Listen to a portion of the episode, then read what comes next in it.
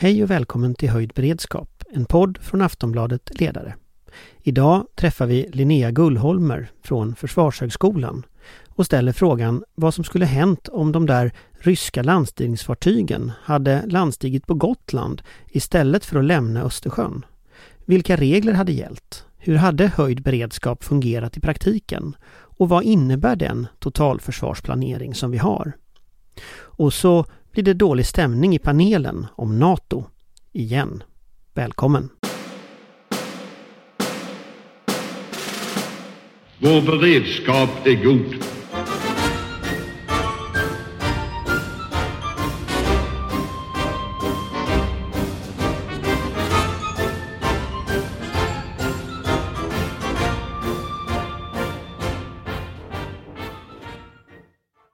Ja, då var vi faktiskt i studion, vilket ju är eh, alltså den riktiga studion, liksom den fysiska studion, dock inte alla här. Men jag är här, Anders Lindberg, och Patrik är i cyberrymden. Och en senior fellow på Tankesmedjan Frivärd. Och Amanda i Skåne. Amanda Wollstad, eh, Svensk Tidskrift. Ja, och jag är i studion här tillsammans med Linnea Gullholmer från Försvarshögskolan. Välkommen! Tack så mycket!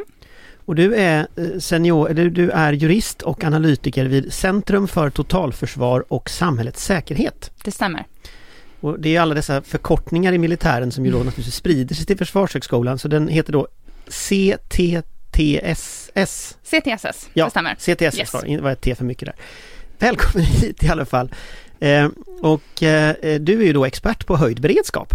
Så kan man säga. Ja, och, och vi tänkte prata lite nu om, om det i, i dagens avsnitt därför att jag tror ganska många människor idag har börjat få upp ögonen för vad, vad, vad innebär den här situationen för eh, liksom de regler som styr samhället, den ordning vi har, vem gör vad, vem bestämmer? Och, och det blev väldigt tydligt i, i måndags när Hesa Fredrik göd och i Skåne just fick man inte stopp på den, eller i Malmö fick man inte stopp på den. Och jag följer ju debatten i Finland och, och där fick jag någon sån här skadeglad liten, liten flash om att den fungerar inte i Sverige heller. Vilket ju då indikerar att det är fler än vi som har problem med att få ordning på det här. Men om man börjar liksom i fred. Mm. Eh, vad är det för regler som gäller när en sån här sak som Ukraina händer och vi skickar vapen till Ukraina och ändå utrikespolitiken förändras dramatiskt men det är fortfarande fred. Vad, vilka regler gäller? Man kan väl säga att den svenska beredskapen består av egentligen två stycken system. Det ena är krisberedskapssystemet och det andra är totalförsvarssystemet. Och fram tills dess att regeringen beslutar om höjd beredskap så befinner vi oss i fred och den fredstida regleringen. Så ligger det till. Så idag eh, när saker och ting händer utanför Sverige och i Sverige så hanteras det enligt krisberedskapen. Och hur, vad, vad förväntar sig man så att säga utifrån krisberedskapen på kommuner till exempel eller regioner eller myndigheter när en sån sak som händer nu i Ukraina? Vad har vi för förväntningar så att säga? Ja, krisberedskapen är ju relativt oreglerad om man jämför med totalförsvarslagstiftningen. Den eh, utgår ifrån eh, ansvarsprincipen. Det utgår ifrån... Det måste du förklara lite, Ja. även om jag tror att människor är djupt involverade i ansvarsprincipen efter Corona. Så vad, vad betyder ansvarsprincipen? I grova drag så betyder det att en myndighet eller en aktör som ansvarar för någonting i fred också ansvarar för det i kris. Det vill säga du fortsätter att göra det du gör men du hanterar krisen som faller inom ramen för din verksamhet. Och eh, det här, den är inte reglerad. Tillsammans med det som vi brukar kalla för närhetsprincipen och eh, likhetsprincipen så tar det sikte på att man ska fortsätta ungefär som man gör men ta ett större ansvar. Så där har vi de principerna. En annan del av krisberedskapen består av det geografiska områdesansvaret som kommuner och länsstyrelser och på nationell nivå även regeringen har. Och det handlar om att ta ansvar för den samverkan och de aktörer som finns inom ramen för sitt eget geografiska område. Borås kommun tar hand om det som händer inom Borås kommun, kort sagt. Så, så egentligen kan man säga att än så länge hanterar Sverige Ukraina-krisen på samma sätt som vi hanterade Coronakrisen. Egentligen. Det är samma regler som gäller. Kort sagt ja, eftersom att regeringen inte har aktiverat eller gått upp i höjd beredskap. Ehm, krisberedskapen tar ju sikte på händelser som inte är inom ramen, eller de är inte framkallade av en hotaktör på det sättet.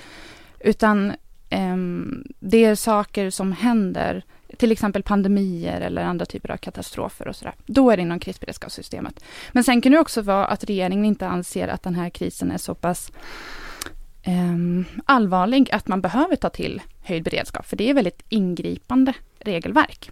Mm. Om, om, vi tänker att vi kommer till nästa nivå, det här är läget nu. Mm. Nästa nivå så, så leker vi med tanken på att de här ryska landstigningsfartygen inte hade lämnat Östersjön. Mm. Utan de istället börjat stäva mot Gotland, korsar den svenska territorialvattengränsen och närmar sig eh, Slite hamn. Vad blir det för regler som gäller då? Det beror på, och det beror helt på regeringens beslut. Regeringen har under konstitutionellt ansvar an, eh, just att fatta beslut om att då eventuellt gå upp i höjd beredskap. Och jag tycker vi nästan behöver klargöra vad det är för någonting. Höjd beredskap är ett samlingsnamn för två stycken olika beredskapsgrader. Skärpt beredskap som är den lägre och högsta beredskap som är den högsta. Och detta kan tillkännages bland annat genom Hesa Fredrik som är ett så kallat beredskapslarm. Och då händer en hel rad saker samtidigt. Och då gäller också högsta beredskap i hela landet. Mm. Fram tills det så kan man avgränsa beredskapen beroende på vilka omständigheter som ser ut. Mm. Och jag stannar ändå på Gotland lite här, mm. för nu, nu, är det krig, nu är det fred eller neutralitet som ju då det begreppet som man har här. Eh, så det, det, är fred, men de här ryska båtarna de har korsat gränsen. De är i full fart på väg mot den svenska kusten. Mm. Och vad gäller då? Vad har vi så att säga för möjligheter att agera? Sverige har inte utropat höjd beredskap. Mm. Då gäller ju Försvarsmaktens, eh, Försvarsmaktens uppdrag är att skydda den svenska, eh, svenska suveräniteten, skydda mot eventuellt väpnat angrepp och också eh, på något sätt kvarhålla den svenska territoriella integriteten. Så då finns det en förordning som heter IKFN-förordningen som ger Försvarsmakten möjlighet att hindra kränkningar av det svenska territoriet. Om du bara läser ut, vad, vad står IKFN för? IKFN-förordningen ger egentligen ett väldigt tydligt mandat för eh, Försvarsmakten att eh, agera i första hand. Det, det, finns ju en trappa här givetvis, att avvisa, markera, det kan handla om att preja eller visitera vissa fartyg. Den eh, är giltig både till havs, uppe i luften och eh, till land. Eh, och i det här fallet, om vi pratar Slite hamn, då rör vi oss eh, av utländska fartyg helt enkelt. Och eh, om det är så att eh, fartygen fortsätter komma, ja men då finns det olika möjligheter inom ramen för den här förordningen att agera mot dem. I sista hand så skulle det kunna röra sig om att, att av, avfyra skott eller liksom gå till, gå till angrepp på någonting för att någon håller på att kränka vårt territorium och vägrar att sluta med att göra det. Men det är väldigt, väldigt långtgående eh, mandat egentligen. Och det finns en trappa som man börjar på det mildaste åtagandet om man säger så. Ja, för sen finns det ju också ett ett mellanläge mm. mellan fred och höjd beredskap som är ett mellanläge, fel uttryck men jag kommer ihåg från när jag själv gjorde lumpen, jag låg i Boden, eh, vilket är långt bort eh, från, från där jag var, i Göteborg där jag är född. Men då fick jag ju lära mig också väldigt noggrant den här kedjan som var. Därför att det finns ett mellanläge här, man kallar det för givakten. Jag tror de flesta inte känner igen det här begreppet överhuvudtaget. Vad är det egentligen för läge när Försvarsmakten kanske bedömer att något håller på att hända men regeringen har inte utlyst höjd beredskap, regeringen har inte agerat. Vad kan Försvarsmakten i det läget göra? Det man ska komma ihåg är att IKFF-förordningen kan man använda utan att aktivera givakt. Um, givakt är en del, det är ett beslut som ÖB fattar. Det kräver alltså inte regeringsbeslut. Och det kan även ÖB be, eh, fatta beslut om inom ramen för sin egen myndighet så att säga. Och givakt eh, och sen har vi aktivering som är kanske den lägre eh, aktiveringsgraden då inom ramen för Försvarsmakten. Innebär helt enkelt att ÖB ställer om verksamheten eh, när det ligger så att säga i farans riktning om att regeringen fattar beslut om höjd beredskap. Så det är någonting som sker innan beslut om höjd beredskap. Mm. Vad innebär givakten ungefär? Om du liksom, nu vet jag att du inte jobbar med militära frågor, men liksom, vad betyder det? Om, om ÖB skulle ha presskonferens, eller det vet jag inte om man kanske har i det läget, mm. men ÖB förklarar att han, han aktiverar givakten, han går till regeringen med begäran om höjd beredskap, men han aktiverar givakten för att det här händer. Vad betyder det liksom? Förutom mm. att att det, det är naturligtvis ett militärt ganska stort beslut. Men jag tror att Försvarsmakten egentligen får svara till vad som händer internt inom Försvarsmakten vid ett sådant beslut. Men det handlar helt enkelt om att ställa om verksamheten, eh, ta, vidta interna åtgärder för att kunna ställa om Försvarsmakten så att man är redo vid beslut om höjd beredskap. Mm. Så kan man säga. Men om du tittar på en tidsaxel här, de här båtarna, jag vet inte hur lång tid det tar från territorialvattensgränsen till Slite, men jag gissar att det inte är jättelång tid. Det är ju 12 nautiska mil. Ja, Mm. ja det låter ju rimligt. eh, och jag vet inte hur fort det åker, liksom de här båtarna åker, Mm. men jag antar att de åker ganska fort. Hinner man fatta alla de här besluten på den vägen? De här, i IKFN-förordningen så finns det eh, möjlighet att ganska långt ut, alltså på rotenivå, kunna välja om man ska trycka på knappen eller Rot inte. är ju flygplan. Ja, är- är en båt, motsvarande båt. Du som bott i Boden kanske vet vad det heter för fartyg där, men precis. Ingen aning. Nej, motsvarande roten för bot. Nej men då, då finns det liksom för, ehm, för de personerna som, som håller gränsen så att säga möjlighet att fatta vissa beslut. Mm. Mm. Och, och om vi då antar att vi fortsätter vårt scenario här nu, Mm. vad som händer. Nu kliver de här båtarna, vi, de blev inte sänkta utan de, de kliver i land på Gotland. Och så ställer sig ryska soldater på Gotland eh, och så står vi i liksom det värsta av alla scenarier. Mm. Det är Sverige, som försvarsberedningen uttrycker det, att vi kan inte, ett militärt angrepp kan inte uteslutas. Gotland är ju naturligtvis en, en ganska given riskområde för den här typen av saker. Och så antar vi att det här händer. Mm. Vad gör Sverige då? Då har Försvarsmakten egentligen att agera. Om, om regeringen inte hunnit fatta beslut om höjd beredskap och allt det här eh, sker väldigt, väldigt snabbt, då har ju eh, Försvarsmakten fortfarande att, att eh, och vi utgår från att det finns en fientlig avsikt och egentligen i det här fallet kanske en fientlig handling. Då har Försvarsmakten möjlighet att agera som om det här vore ett väpnat angrepp. I det yttersta om man säger, man får ju givetvis bedöma läget där på plats. Eh, Det kan ju handla om nöd också och då är det en helt annan situation. Då har ju en fartyg, även om man inte anmält eh, den här ankomsten, så har man ju rätt att söka nöd. Mm. Mm. Men om det skulle vara fientlig avsikt och fientlig handling, ja men då, då kan man ju ehm, i stort sett gå till, gå till väpnat, eller mm, gå emot dem egentligen med vapenmakt då. Mm. Och om vi antar att regeringen nu har liksom upptäckt det här Mm. eh, och regeringen då deklarerar att man börjar höja beredskapen. Hur Mm. ser den trappan ut? Det är då som sagt, eh, man fattar beslut om höjd beredskap, antingen skärpt eller högsta beredskap. Och i högsta beredskap så är totalförsvar all den verksamhet som då ska bedrivas. Eh, man kan ju avgränsa det här. Om det bara rör sig om Gotland så skulle man kunna avgränsa eh, beslutet till just Gotland och kanske de andra utsatta delarna som man bedömer ligger eh, näst i fara om man säger så. Och det handlar helt enkelt om att inte slita på samhällets resurser eh, utan ha en avvägning och hur mycket man drar till helt enkelt av totalförsvaret. Mm. Och, och konkret, vad är det för liksom förändringar som sker rättsligt här? Vad är det för befogenheter som flyttas och så när man, när man höjer beredskapen? Det händer en rad olika saker. Vi har ju dels grundlagsregler för krig och krigsfara. Eh, Det som händer om eh, vi går in i höjd beredskap är att regeringen så att säga öppnar verktygslådan för alla de där Ehm, verktygen som man skulle kunna använda sig av och där finns en rad olika saker man kan göra. Bland annat fatta beslut om ransonering, förfogande av egendom. Eh, Det kan röra sig om prisreglering, eh, inkvartering och, och så vidare. Undanförsel och förstöring. Man kan till exempel förstöra broar om det skulle vara så att man, eh, man anser att det här eh, skulle försvåra krigsansträngningarna då från motståndaren. Och, och om man tittar på, på själva beslutsfunktionerna, hur ser liksom Sveriges beslutsapparat ut i det här läget? Eh, när man gör det här. Tänk att exempelvis Stockholm kan ju vara hotat, man kan behöva flytta regeringen från huvudstaden.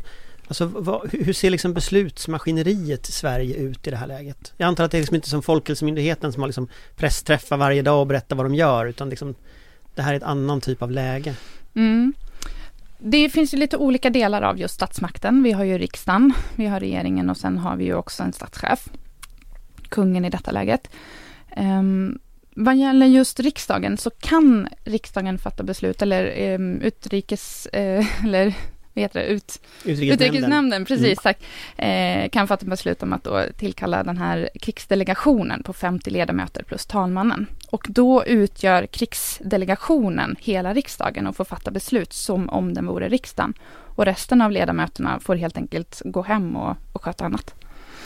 Ehm, så det kan hända och det handlar ju helt enkelt om att, att riksdagen inte får fatta beslut på ockuperat område, inte heller regeringen. Ehm, Så då ska man kunna sätta riksdagen eller krigsdelegationen i en buss och ta sig till icke-ockuperat område. Men om man tar den, man, man åker liksom från ockuperat område och så tar man sig då till någonstans i Västerås eller vad det nu som inte är ockuperat. Och så fattar riksdagen beslut. Mm. Vad är det för liksom beslut man kan fatta där? Riksdagen kan ju fortfarande fatta sina typer av beslut. Alltså eh, riksdagsarbetet fortsätter och det ska ju finnas en legitim riksdag. Eh, regeringen, men däremot inom ramen för krig och krigsfara så, eh, så öppnar det upp för en del eh, olika delegationer. Så ehm, beslut som vanligtvis ligger på riksdagsnivå skulle kunna fattas av regeringen. Beslut som vanligtvis ligger på regeringen skulle kunna fattas av en myndighet. För att det alltid ska finnas en plan B om något organ faller bort eller beslut inte kan fattas.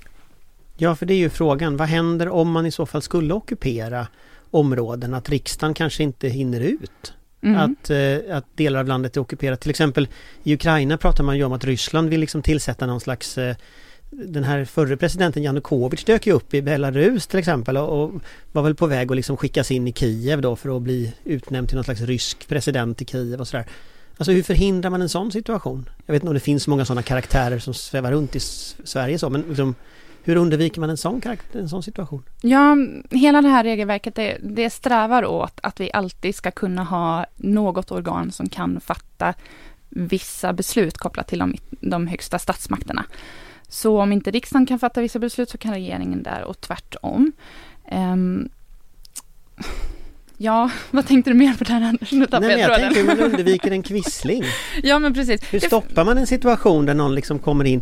För jag, tänk, jag vet inte, jag kanske bara är så här konspiratorisk men jag tänker att i liksom hybridkrig Mm. så handlar ju hybridkrig mycket om liksom desinformation och att förvirra och så. Mm. Och jag tror ju att den här Janukovyč-historien som ryssarna höll på med där det var en quislingregim i Kiev för att förvirra väst. Och att det var liksom det som var ursprungliga idén. Det har jag ingen aning om det var. Det kanske hade en helt annan idé. Men det känns ju som att det var idén från, från ryssarna här. Ja, men man kan ju det säga... sket ju sig i Ukraina i alla fall än så länge. Ja, men tanken med hela, eh, hela 15 kapitlet regeringsformen som vi nu pratar om krig och krigsfara, det är ju att se till att undvika det här. Det var mycket lärdomar om Norge, som du pratar om quisling-situationen, ockupationen av Norge under 40-talet, som gjorde att vi faktiskt utarbetade de här reglerna. Och tanken är helt enkelt att det bara ska finnas en legitim regering. Om det skulle vara så att vi kan ha en legitim, eller en regering som uttalar sig på ett ockuperat område, men då finns det ju risk för att den regeringen också är så att säga påverkad av ockupationsmakten. Och i sådana fall så, eh, så, finns, så finns det en otydlighet för medborgarna vilken regering de ska lita på. Ja, en jämförelse med detta kan ju göras med till exempel folkomröstningen som ryssarna ut, utlyste i Krim. Eh, Mm. Där ryssarna på ockuperat område utlyste en folkomröstning så fick människor då med så här, Mm. 110 procents majoritet säga ja till Ryssland och så gå med i Ryssland. Alltså det är en sån situation som, som, vi, som, som jag tänker att en ockupant eller en, en angripare skulle kunna ja, utnyttja. Och där har vi särskilda regler om just vallagar. eh, För att ett, i Sverige så kan inte val hållas på ockuperat område eftersom att sådana val inte kan anses vara fria. Ehm, Och därför så kan vi inte hålla allmänna val inom ramen för ett ockuperat område. Nej, om man tittar på läget i, i, i ett, ett läge när det är höjd beredskap. Vi antar att, nu, nu drog jag ju på här liksom väldigt långt, men om vi antar att liksom, vi har ett normalläge, normalläge, men att vi har ett läge där landet ändå är försatt i höjd beredskap. Alltså hur, hur förhåller sig Sverige till exempel till en sån fråga som desinformation i en sån situation från främmande makt? Alltså hur, hur funkar media i ett sånt läge? Vad, vad är det för som regler som, som gäller i ett sånt samhälle? Ja, du har många av de vanliga grundlagarna och regler vi har, tryckfrihetsförordningen och yttrandefrihetsgrundlagen och allt det där, det fortsätter ju gälla in i krig. Det är inte så att hela den eh, fredstida lagstiftningen byts ut. Vissa delar av lagarna bara slutar fungera eftersom att de ersätts av något annat, men de allra flesta fortsätter ju gälla.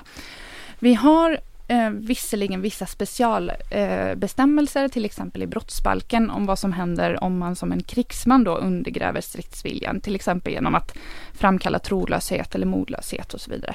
Så där finns det ju vissa straffbestämmelser för att man inte får sprida viss typ av eh, information eller eh, undergräva den här viljan som finns i, i det svenska försvaret.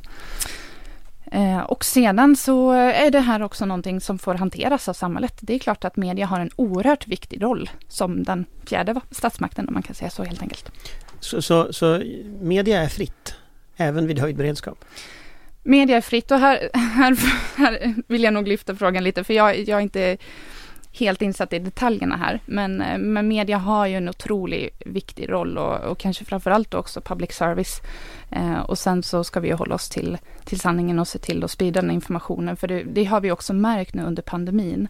Att eh, det finns ett oerhört stort behov av just information. Det finns en väldigt stor vilja att veta. Men eh, det man kan se också när jag hör mig om i min omgivning så är det väldigt många som är oroliga över det som händer i Ukraina och allt sånt där. Och så då är det viktigt att vi har rätt information. Mm. Om man tittar på andra samhällsfunktioner som alltså samhällsservice och sådana här saker som, som, eh, som finns i, i eh, ja, en, en fredssituation. Hur mycket av det fortsätter in i en, en krigs, så säga, ett läge med höjd beredskap? Hur mycket av vårt samhälle finns kvar om man säger så? Jag skulle säga att ganska mycket finns kvar här.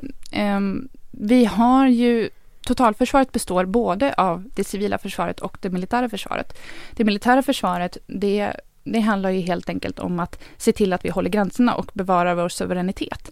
Medan det civila försvaret till stor del handlar om att upprätthålla samhällets funktionalitet. Och det i sig är ju krigsavhållande. Nämligen att, att vi ser till att eh, barn fortsätter gå till skolan, att eh, sophämtningen fungerar och allt det där. Eh, sjukhuset fungerar. Det handlar ju helt enkelt om att vi fortsätter vara en stark stat. Så, så det kan ju vara eh, det kan ju vara starkt i sig och en del av försvaret. För, för, en sån sak man har ju pratat om en hel del på senare år, det är ju pliktlagstiftningen. Och vi har ju då i grunden i Sverige en totalförsvarsplikt. Mm. Och sen har vi ju också haft en, en värnplikt som under ett tag blev, blev då lagt vilande men som sen blev aktiverat igen. Eh, totalförsvarsplikten har ju funnits där hela tiden, den finns ju som en bas. Vad blir det för lagstiftning som gäller när det gäller så här, möjligheten att med plikt eh, ta ut människor till olika uppgifter och sånt i mm. ett, ett krisläge? Det finns ju tre olika delar av plikten. Eh, värnplikten som du nämner är ju den försvara, försvarets del, eller militära. militära försvaret, precis. Eh, så där kan man ju bli krigsplacerad in i Försvarsmakten. Sen har vi en plikt som kallas för civilförsvar, eller civilplikten. Och den är så, än så länge vilande. Sen har vi den tredje som egentligen de allra flesta faller under. Och det är den allmänna tjänsteplikten.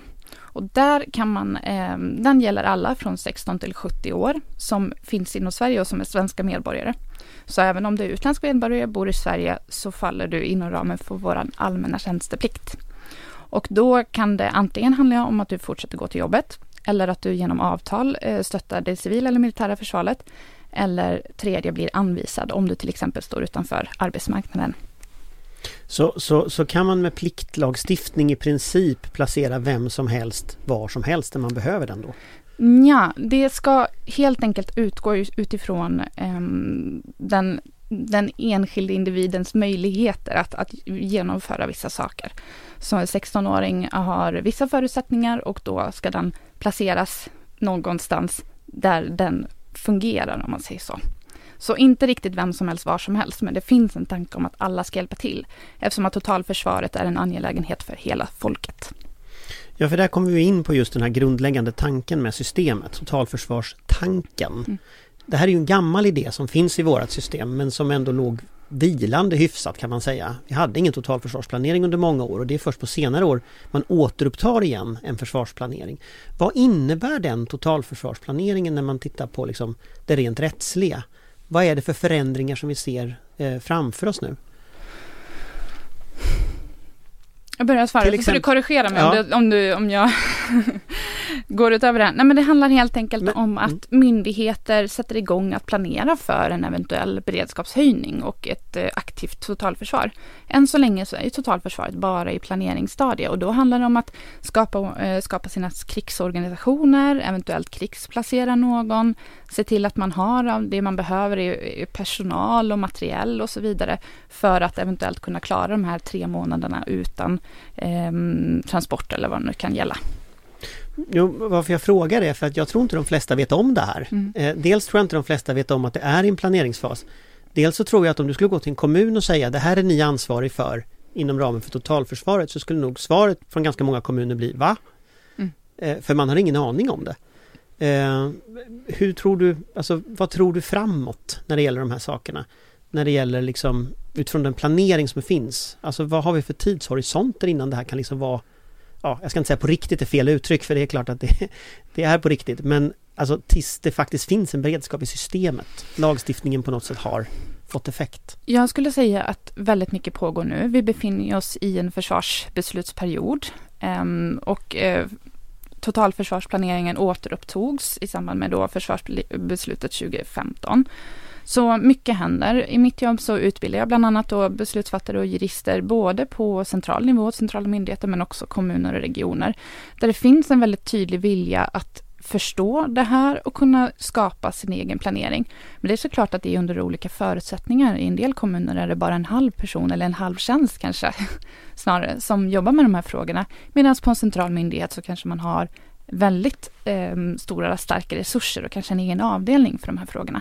Men planeringen pågår och en medvetenhet finns ju.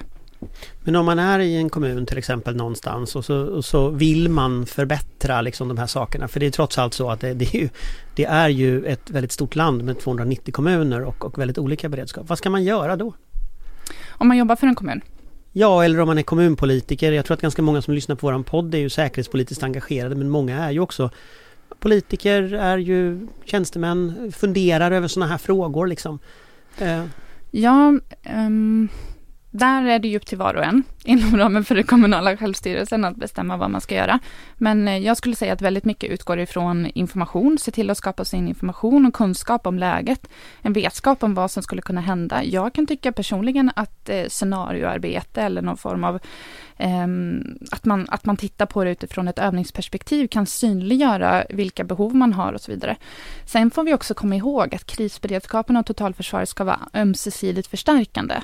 Och det här medför ju att alla de där kunskaper och erfarenheter som vi har från coronatiden också, och som vi fortfarande lever i, också kan överföras in i totalförsvaret fast på ett annat sätt, för där är hotet ett annorlunda. Ja, för jag tror att du sa en nyckelord nu var ju övningar. Mm. Eh, jag, jag, jag, vet att det alltid är ett underskott på övningar överallt, alltid. Men liksom hur mycket upplever du att det kommer igång? För en gammal erfarenhet är ju att det som inte övas i fred fungerar inte i kris eller krig. Och nu har vi plötsligt kommit in i, väldigt snabbt i ett läge. Och jag tror de flesta är ändå, även om man inte har följt med liksom i nyhetsläget, så tror jag de flesta är ganska chockade över det här som händer nu. Och plötsligt är Sverige inblandat, liksom skicka vapen till Ukraina. Det är klart att här händer ju något väldigt, väldigt snabbt. Och har man då inte övat det innan så lär ju det bli ganska stökigt under mm. en kris. Liksom så. Alltså hur upplever du att den, liksom, den beredskapen ser ut? Hur mycket övningar görs? Fattar folk det här? Jag tror att det finns utrymme för att fatta mer, såklart. Eh, jag kan inte uttala mig om hela systemet, men däremot så skulle jag säga att de som vi träffar, de övar vi ju genom scenario och så vidare, för att man ska ställas inför vilka frågor som kan komma att hamna på agendan under den här tiden. Ehm, mm. Men om man tittar på dig till exempel, nu, har, nu jobbar ju du med de här frågorna, men om man tittar på, nu har vi haft två år av Corona och jag i alla fall hade tänkt att gå ut i solen nu på våren, allt skulle bli bra. Så kommer den här liksom, soppan. Och sen kommer klimatförändringarna att komma ganska snart. Alltså det här kommer ju bli någon form av permanent situation när man ändå behöver ha en nivå på krisberedskapen som vi inte har haft innan. Mm. Alltså om du skulle liksom avslutningsvis få fundera framåt. Vad skulle du önska dig av liksom politiker och beslutsfattare för att vi ska klara den nivån? För det är uppenbart att den gamla nivån är historia och den gamla världen är historia och nu har vi en väldigt ny värld. Liksom. Om jag skulle önska någonting, eh, och det här får ju stå för mig, så skulle jag vilja ställa frågan vad är det vi egentligen försvarar? För det är det det handlar om. Det handlar om att kunna försvara den fria pressen, det handlar om att kunna försvara våra fri och rättigheter. Visst att mycket av det där kan inskränkas under tid att vi är i krig eller krigsfara. Men det handlar om att fråga sig, vad är det för land vi vill ha? Vad är det för samhälle vi vill leva i efter ett krig?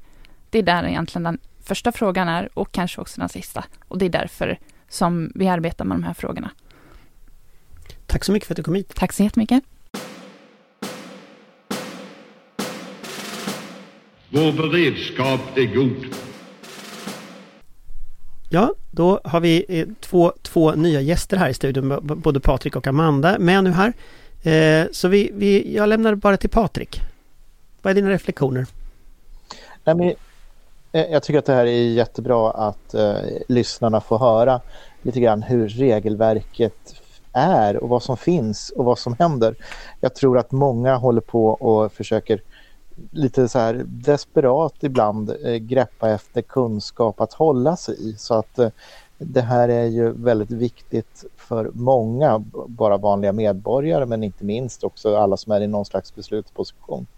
Att börja bli bekant med Eh, den här typen av, av, lagstiftning och den här typen av frågor. Och jag tycker att det som, som Linnea avslutar med den frågeställningen, vad är det vi försvarar? Det är den som är den centrala. Den hoppas jag att alla lyssnare stannar upp och tänker till. Mm. Amanda?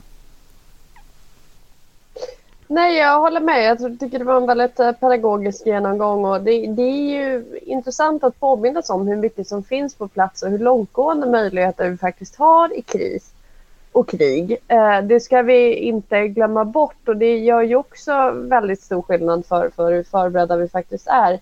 Sen är det ju en viss skillnad på teori och praktik och även om de juridiska möjligheterna finns där så är det ju det vi tog upp bland annat. Hur, hur får man alla de här äh, människorna att inse vad de har för ansvarsområde och framförallt planera för detta och börja se detta som en realitet.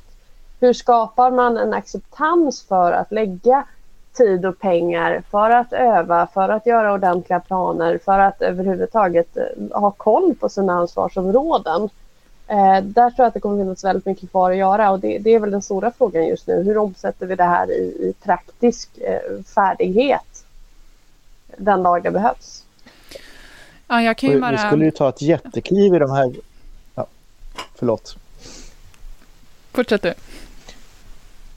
Ja, eh, vi skulle ta ett jättekliv i, i, i de här beredskapsfrågorna om alla kommuner på eget initiativ i alla fall en, en halvdag tog och gjorde en enklare scenarioövning under våren nu bara för att komma igång och börja med det här på allvar. Ja, jag kan ju bara instämma där.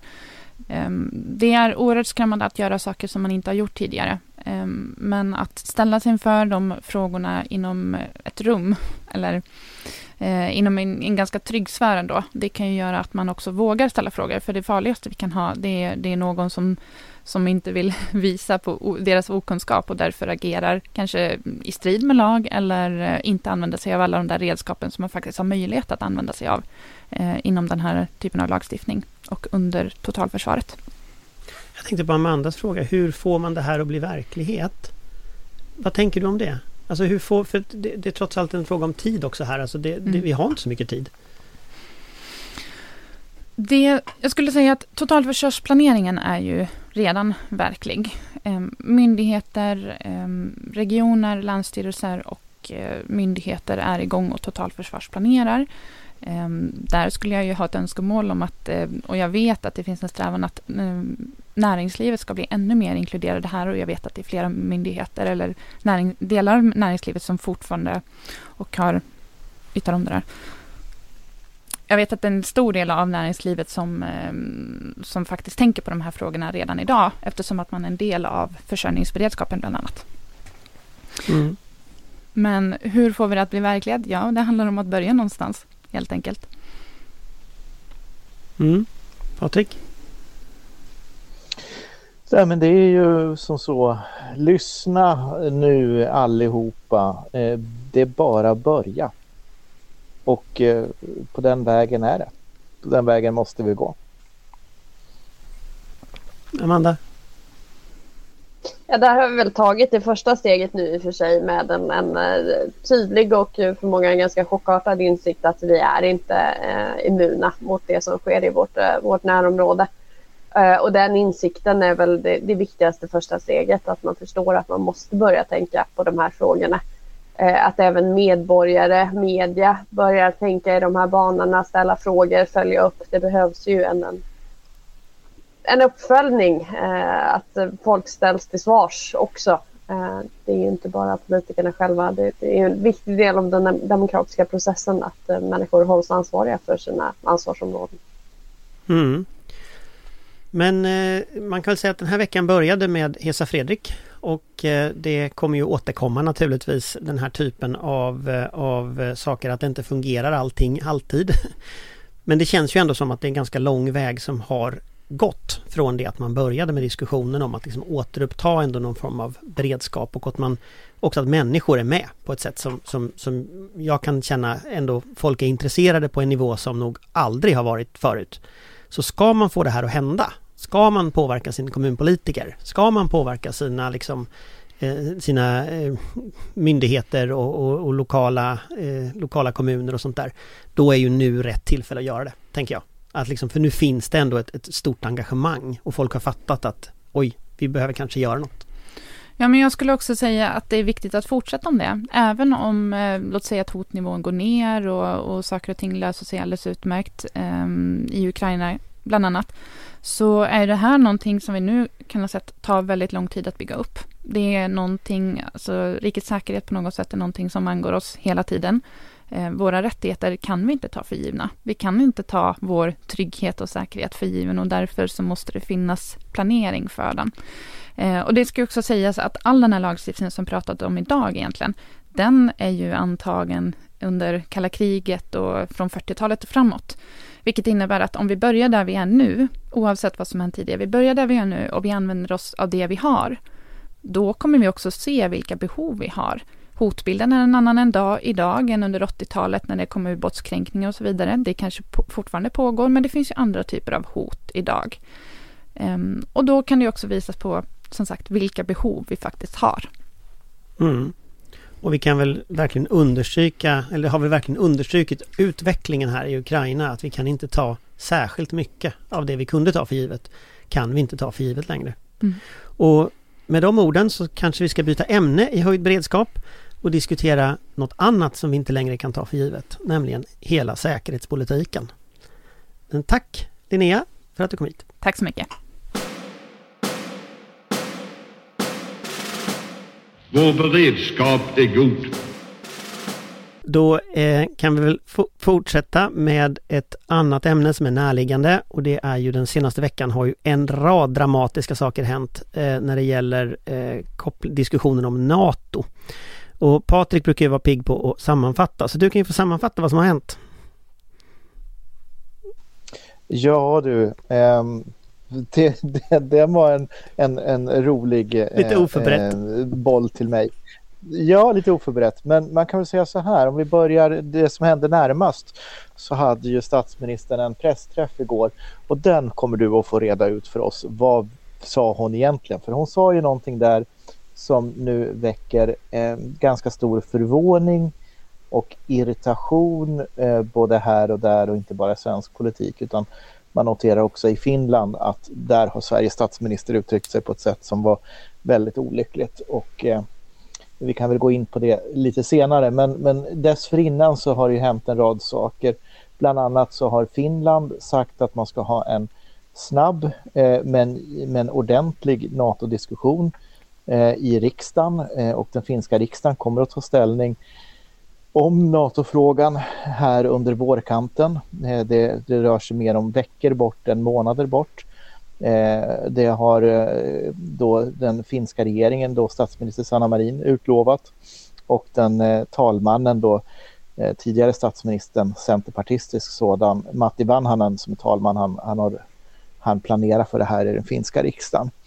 Eh, dessförinnan så var ju eh, då Peter Hultqvist och Magdalena Andersson i Helsingfors i lördags för att där träffa president Niinistö eh, statsminister Sanna Marin och försvarsminister Kaikkonen eh, för att där höra vad var det egentligen som hände i Washington. För att dagen innan, på fredagen, så var ju då Niinistö på ett blixtbesök. Ett besök som Eh, planerades in med otroligt kort varsel. Så flög han över och träffade då president Biden, men han träffade också republikansk eh, kongressledare, han träffade CIA-chefen också och förde samtal. Eh, och det finns ju spekulationer om vad de där samtalen innehöll. Eh, de är inte så detaljerade, eh, men man pratar om att Sverige och Finland fördjupar samarbete med NATO och så vidare och så vidare. Men, men eh, här är ju spekulationer om att man har diskuterat hur eh, säkerheten ska kunna se ut i, för Sverige och Finland från att eh, man säger att man vill bli medlem i NATO. Det är en spekulation i det. Indikationerna från Finland skulle jag säga så här är att eh, den finländska politiken håller på att svänger. Det finns en majoritet för Finlands NATO-medlemskap eh, som är större än de mätningarna som finns i Sverige och där finns ju också nu majoritet för svenskt NATO-medlemskap i, i, i en del mätningar. Eh, och att det sker en, en förändring inom framförallt då de två stora partierna som har varit NATO-motståndare, Socialdemokraterna och Centerpartiet i Finland. Så håller på att ske en förflyttning där. Och eh, eh mycket talar väl för, är min bedömning just nu, är ju att Finlands riksdag kommer att ha en majoritet för ett finländskt NATO-medlemskap senare i, i vår. Eh, och det för oss tillbaka till den här pressträffen som var igår med statsminister Magdalena Andersson. Och Anders, vad sa hon och ville hon verkligen säga det där? Eh, eller vad menade hon egentligen? Jag tänkte släppa in Amanda först, men jag kan ju svara.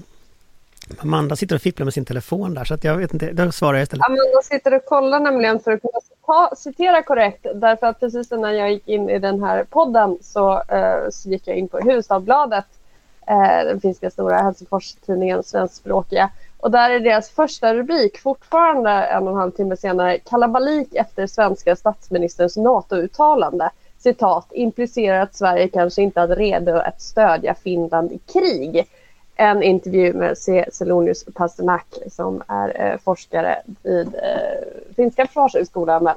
Eh, och detta är ju någonstans... Nej, FIA. Förlåt Patrik. Eh, FIA, Finlands utrikespolitiska institut. Ja tack, han var på Svenska försvarshögskolan en gång i tiden. Detta är ju någonstans oerhört, och detta är naturligtvis en tidningsvinkling och en forskare om en, en väletablerad take på det hela. Men det visar ju också hur oerhört ogenomtänkt eh, den svenska statsministerns uttalande var i det här läget och hur det riskeras att uppfattas inte bara i Finland utan även i omvärlden för det är många internationella tidningar som har skrivit om detta idag. Eh, och det är kanske framförallt osolidariskt mot Finland. Marin har också varit ute idag och uttalat sig om att eh, man hade hoppats på en öppen debatt och, och det är synd att, att Sverige går händelserna i förväg där man kanske, även om man inte tror att man kommer nå konsensus om ett NATO-medlemskap i Sverige och även om vi kanske kommer fram till andra slutsatser än Finland, att vi skulle kunna ha haft den här gemensamma processen med en öppen debatt istället för att sno sig vid masten med retorik som ärligt talat hade kunnat komma betydligt längre österifrån än Helsingfors. Ja, om jag ska försöka svara på vad jag tror att hon sa, det är ju alltid svårt att gissa vad folk säger, men vad jag tror att hon sa, svarade på var eh, om man ska kasta om säkerhetspolitiken i kris. Det vill säga att vi nu skulle byta fot eh, och att det skulle skapa en situation när man destabiliserar den politiska situationen snarare än att man tydliggör någonting. Och det är den linjen Socialdemokraterna har haft hela tiden. Eh, för att säga hela tiden menar jag hela tiden. Man har alltid haft den hållningen. Så det är ingen ny hållning, utan jag skulle säga att jag tror att det är ganska mycket övertolkningar av någonting som hon i grunden alltid har sagt och som Socialdemokraterna alltid har sagt. Därför den process som jag ser när jag tittar, den är en helt annan. Eh, den är att Socialdemokraterna internt nu öppnar allt fler dörrar för en omprövning för säkerhetspolitiken. Eh, ni kan läsa idag i Aftonbladet till exempel ett antal ganska tunga personer i det interna spelet. Eh, bland annat ordföranden i Norrbotten som är ett av de tyngsta partidistrikten. Som liksom öppnar för omprövningar.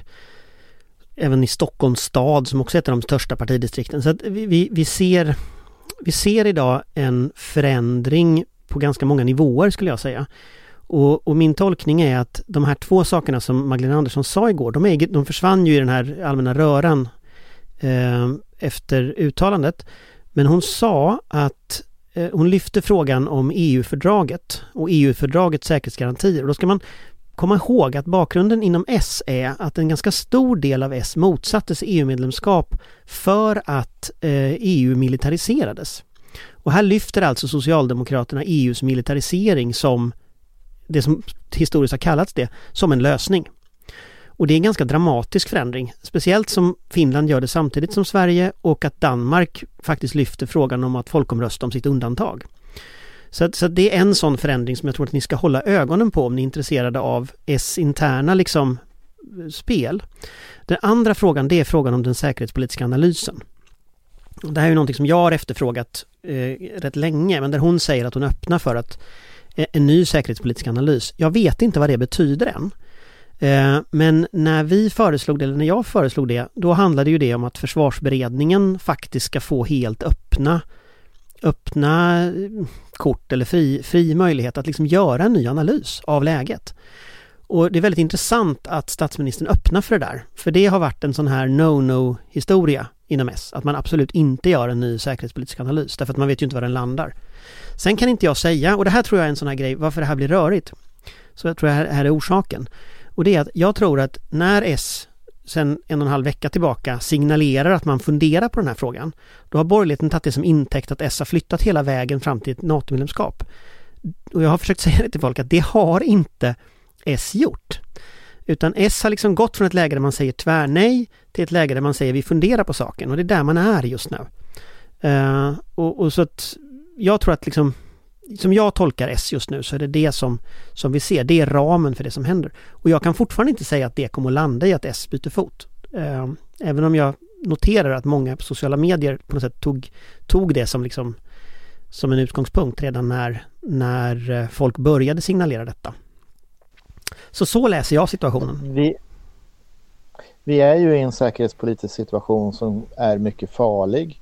Eh, vi vet inte hur länge den här kommer att vara. Det kan också bli ett tillstånd som permanentas mer eller mindre under mycket lång tid framöver. Och eh, för Finlands del så har ju den så kallade NATO-optionen som var ett bländverk i att vara en björnskrämma för att hålla Ryssland bortom sig. Ehm, den har ju då genom 24 februari 2022, det stora angreppet på Ukraina, då helt enkelt upphört att, att, att vara någonting som, som man kan förlita sig på i, i den finländska debatten. Så att eh, min gissning är ju att det kommer att gå väldigt fort i Finland och, eh, och om den finländska riksdagen fattar ett beslut att man vill ansöka eh, så, så sker det i, i ganska närtid så att den här något långt rådrum finns ju inte för svenskt vidkommande och det är väl därför också det blir väldigt starka reaktioner när statsministern uttrycker sig på ett sådant sätt som, som får eh, eh, de flesta att tolka som att eh, man begränsar Finlands handlingsfrihet eh, och eh, eh genom att, att eh, helt enkelt låsa fast den svenska eh, positionen. Det är så det tolkas. Jag hoppas att det är fel.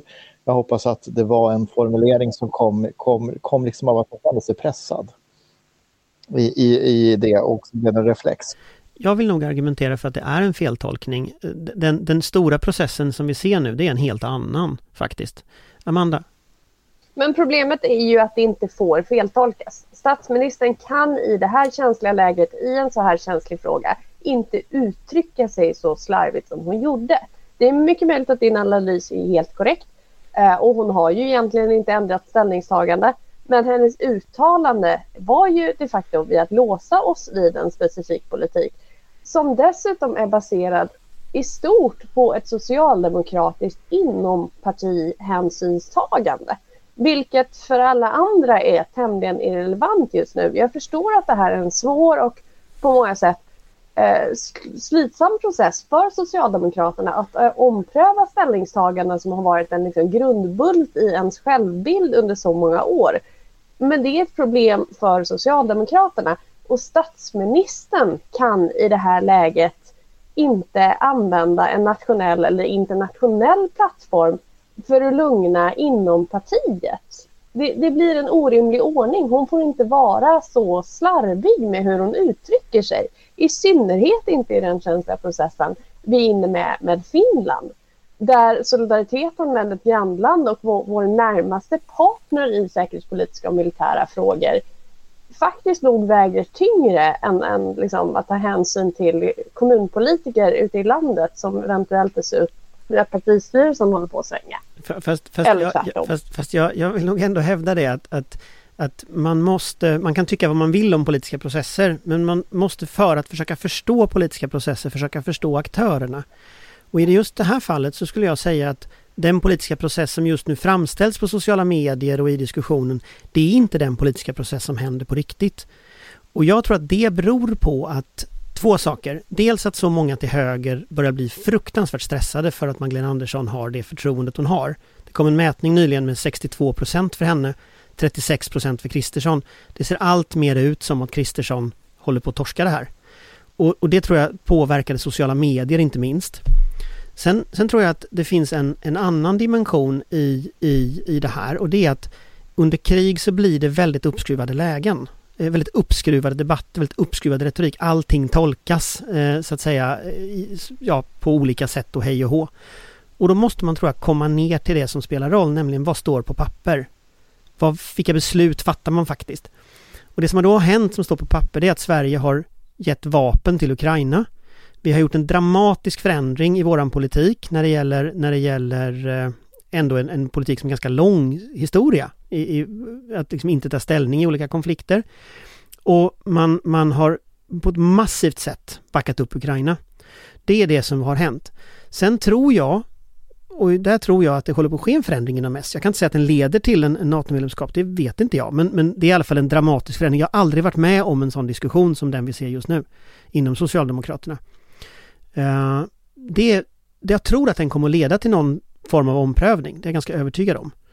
Så. Sen tror jag vi måste på något sätt tänka att det här bakgrundsbruset, den här debatten som nu sker, den kommer inte att kommas ihåg den dag som försvarsberedningen lägger fram en säkerhetspolitisk analys, den dag man eventuellt byter uppfattning från Socialdemokraterna. Uh, så jag tror att är, så, så, så läser jag situationen. Nu, är det, nu vill Patrik absolut säga något. Det här, ja, det är replik. Du ska få replik. Patrik.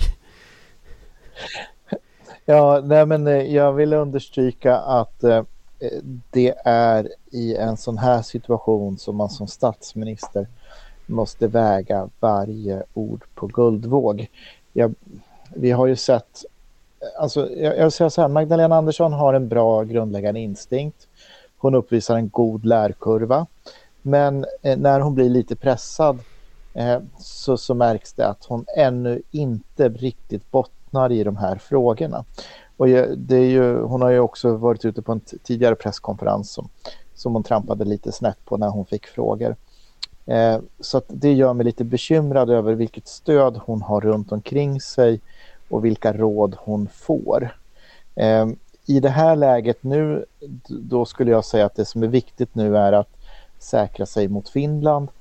Eh, att, att döda den här tolkningen om att Sverige inte skulle vara beredd att hjälpa Finland i händelse av, av krig och att man har då låst Finland. Så att jag skulle, om jag satt eh, i, i som rådgivare till Magdalena Andersson snabbt fundera på hur, hur förflyttar vi oss från den här bilden och, och uppfattade positionen och vad gör vi då för snabb markering eh, att det här är en felaktig tolkning. Eh, det, där skulle jag vara just nu om jag satt på statsrådsberedningen. Amanda? Det är ju just i det här uppskruvade tonläget hon inte kan vara så slarvig med hur hon formulerar sig. Och har man svårt att bli korrekt uppfattad så ligger ju problemet inte bara nödvändigtvis hos mottagarna. För det här har ju uppmärksammat inte bara i Finland utan även i engelskspråkiga medier, i Storbritannien till exempel.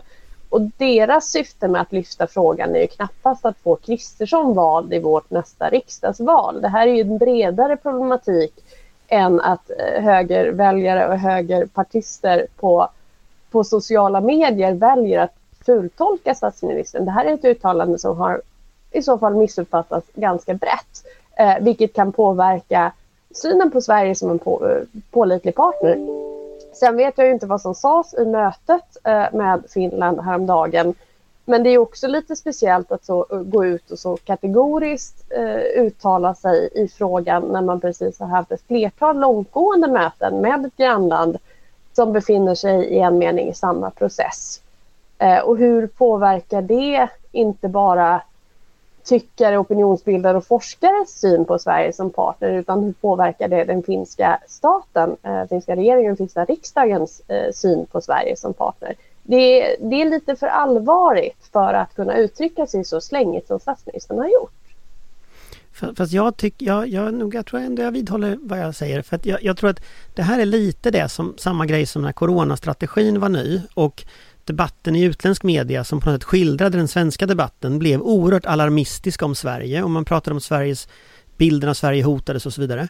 Och sen kokade det ner liksom till konkreta, riktig politik och så visade det sig att när man tittar på partierna i Sverige så var man inte särskilt oöverens liksom. Och den svenska strategin funkar rätt bra. Och jag tror att på samma sätt som det liksom är krigsläge i svensk media och svenska so och sociala medier så är det krigsläge i utländska medier också. Man tolkar saker väldigt fort, eh, tolkningar går väldigt snabbt, liksom analyser går blixtsnabbt och så. Jag tror, jag vet att jag, det här låter skittråkigt och det funkar liksom inte i varken radio eller tv men jag tror man ska ha lite is i magen i sådana här lägen. Man ska liksom ta det lite lugnt, ta det lite piano. Eh, och jag tror att det är det vi ser att regeringen har som ambition att göra. Eh, och jag tror att liksom, jag tror inte att regeringen ser riktigt den bilden av att det här är ett fönster som sluts liksom inom loppet av några dagar eller några veckor. Utan jag tror man tänker att man vill se en deeskalering i Ryssland. Man vill se, helst se att Ryssland kör fast i leran så att de inte rör sig någonstans. Och sen tror jag man kommer att komma med en säkerhetspolitisk analys. Man kommer att ha en diskussion. Eh, och jag tror att det är ganska klokt att man har den ordningen därför att jag tror att det finns ganska starka motkrafter mot en omprövning som kan eh, också skakas till liv i sådana här lägen. Och jag tror att vi, vi behöver ha en diskussion som ändå landar i någon form av ändå gemensamt över blockgränserna ställningstagande. Och alla hårda ord under den resans gång kan göra att det blir väldigt svårt att hitta liksom över, över blockgränserna. Sen vet jag som sagt inte vad, vad det blir för något. Men jag skulle tro att på samma sätt som Finland kanske är klar framåt våren så tror jag Sverige kommer att ha, vara klar framåt våren. Eller i alla fall ha någon form av analys framåt våren. Men jag tror det hänger på verkligheten mer än på ideologin. Eh, faktiskt. Hur, Men, vad händer i verkligheten, det... tror jag blir frågan. Ja, Amanda? Det är ju ingen som säger emot att vi ska ha den processen. Tvärtom, det är precis den processen vi ska ha. Men då ska statsministern inte gå ut innan den processen knappt har inletts och komma till slutsatser. Eh, hon uttryckte sig slarvigt, så enkelt är det. Och hon får inte uttrycka sig så slarvigt Patrik? Nej, jag, jag, tänkte bara säga att jag, jag, jag, tycker att det var olyckligt formulerat. Eh, jag hoppas att eh, statsministern eh, lyckas snabbt distansera verkligheten från, från den formulering och återskapa det breda förtroende som, som vi behöver ha i den här tiden eh, som, som kan ha tagit skada genom det här uttalandet. Och jag, jag, jag hoppas att, eh, att eh, att eh, hon är själv eh, är inte helt nöjd med hur orden föll ut och hur de uppfattades. Eh, så så eh, hoppas jag sen att vi kommer fram konstruktivt i den här frågan. Men om vi landar i att vi inte är oöverens, att vi är oöverens om vad statsministern sa igår, så kan vi fundera lite framåt som en sista liten avslutning på detta. Vad tror ni händer nu? För ryssarna ser inte fortfarande inte ut att gå skitbra i Ukraina. Eh, man kommer att disku man diskuterar nu nya sanktioner, man diskuterar mer vapen till Ukraina. Eh, vad tror ni kommer att hända nu eh, framåt? Patrik? Ja, det är ju en jättesvår fråga Anders, därför att det händer ju så mycket nu. Eh, nu kommer ju uppgifter om att strömmen till kärnkraftverket i, i Tjernobyl har brutits, vilket gör att eh, det finns eh, risker för kylsystemet som gör att radioaktiv strålning kan läcka ut. Ehm, vi kan eh, konstatera att där har också arbetarna inte avlöst på 13 dagar. Eh, Polen är rädda för hämnd ifall eh, de förser Ukraina med, med stridsflyg. Eh, Kreml varnar för farligt scenario. Eh, alltså vi är ju i en situation som är väldigt rörig och rörlig, vilket gör att framtiden är svår att förutsäga. Eh, men jag tror att vi måste mentalt vara beredda på att det kommer att vara krisartat under en längre tid Eh, och att det kan bli betydligt värre och att vi naturligtvis i Ukraina kommer att få se ännu mera fruktansvärda eh, bilder på, på, på mänskligt lidande när Putin blir allt mer frustrerad över att ha kört fast och blir allt brutalare. Eh, och jag tror att det också kommer att påverka debatten och opinionen kring NATO vilket gör att eh, jag förväntar mig att, att det kommer att vara fler som kommer ut och vill, vill att Sverige och Finland ska gå med i NATO och att folkopinionen för det förstärks i takt med att kriget blir brutalare. Amanda? Ja, jag delar väl Patriks analys. Det är väldigt mycket som händer just nu. Det kommer bli eh, värre innan det blir bättre. Eh, Putin är under en fruktansvärd press. Eh, både för att de militära resultaten i Ukraina ser ut att eh, utebli ehm, och eh, förlusterna tycks vara betydligt större än man har räknat med. Frågan är hur mycket möjlighet man har till förstärkning, det vill säga hur mycket av material och manskap som är greppbart, hur mycket logistik man har för transporter och så vidare. Ryssland har ju som vi vet en väldigt stor personell eh, reserv och en väldigt stor eh, arsenal. Eh, men frågan är ju med tanke på vad vi har sett i Ukraina hur, eh, hur i vilket skick detta är, hur greppbart det är, hur eh, moralen ser ut bland trupperna och så vidare. Vilket ju påverkar jättemycket och väldigt svårt att sia om utifrån därför att det är ju inget de är direkt transparenta med. Sen kommer ju sanktionerna slå ju till med full kraft nu. Den ryska ekonomin kommer ju att krascha under de närmsta dagarna på många sätt. Man har ju fick väl sänkt eh, rating eh, av Fitch igår. Det blev sänkt till skräpstatus i princip. Man har förbjudit handel med eh, utländska valutor för några större belopp i Ryssland fram till september till och med. Eh, Rubeln störtdyker. Eh, allt fler företag gör en exit från den ryska marknaden. Det är svårt att säga hur mycket det här kommer påverka. Vissa analytiker menar att man räknade med långtgående ekonomiska sanktioner och samlat i ladorna just för den eventualiteten. Andra menar att de här sanktionerna har gått långt utöver vad man någonsin hade kunnat räkna med och att reserverna är otillräckliga. Det är ju också relevant att se hur den, kanske framförallt den ryska medelklassen reagerar på en, en kraftigt sänkt eh, levnadsstandard på mycket kort tid.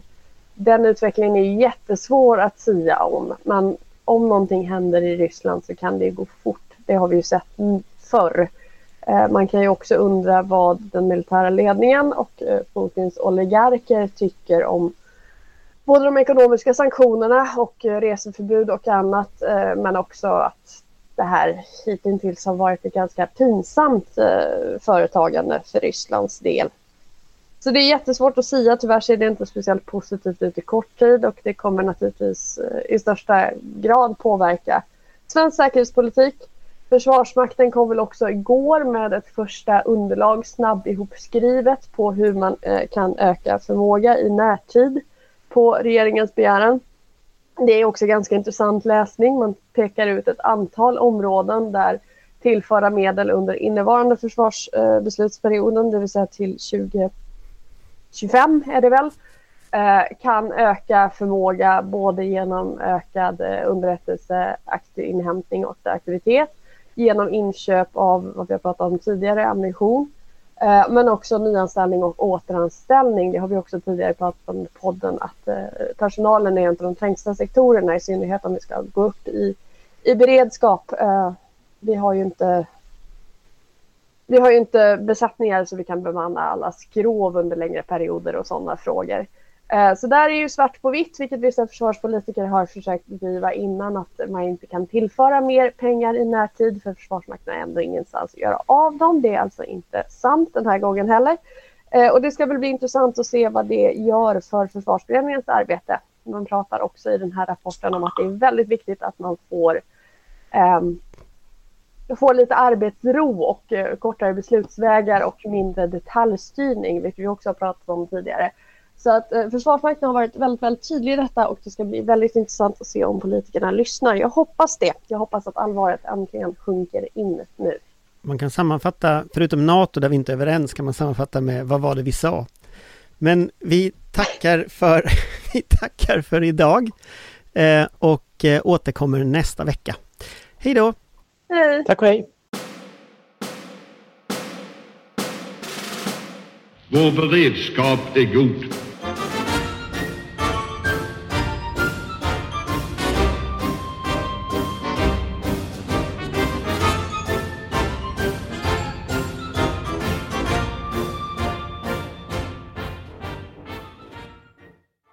Du har lyssnat på en podcast från Aftonbladet. Ansvarig utgivare är Lena K Samuelsson.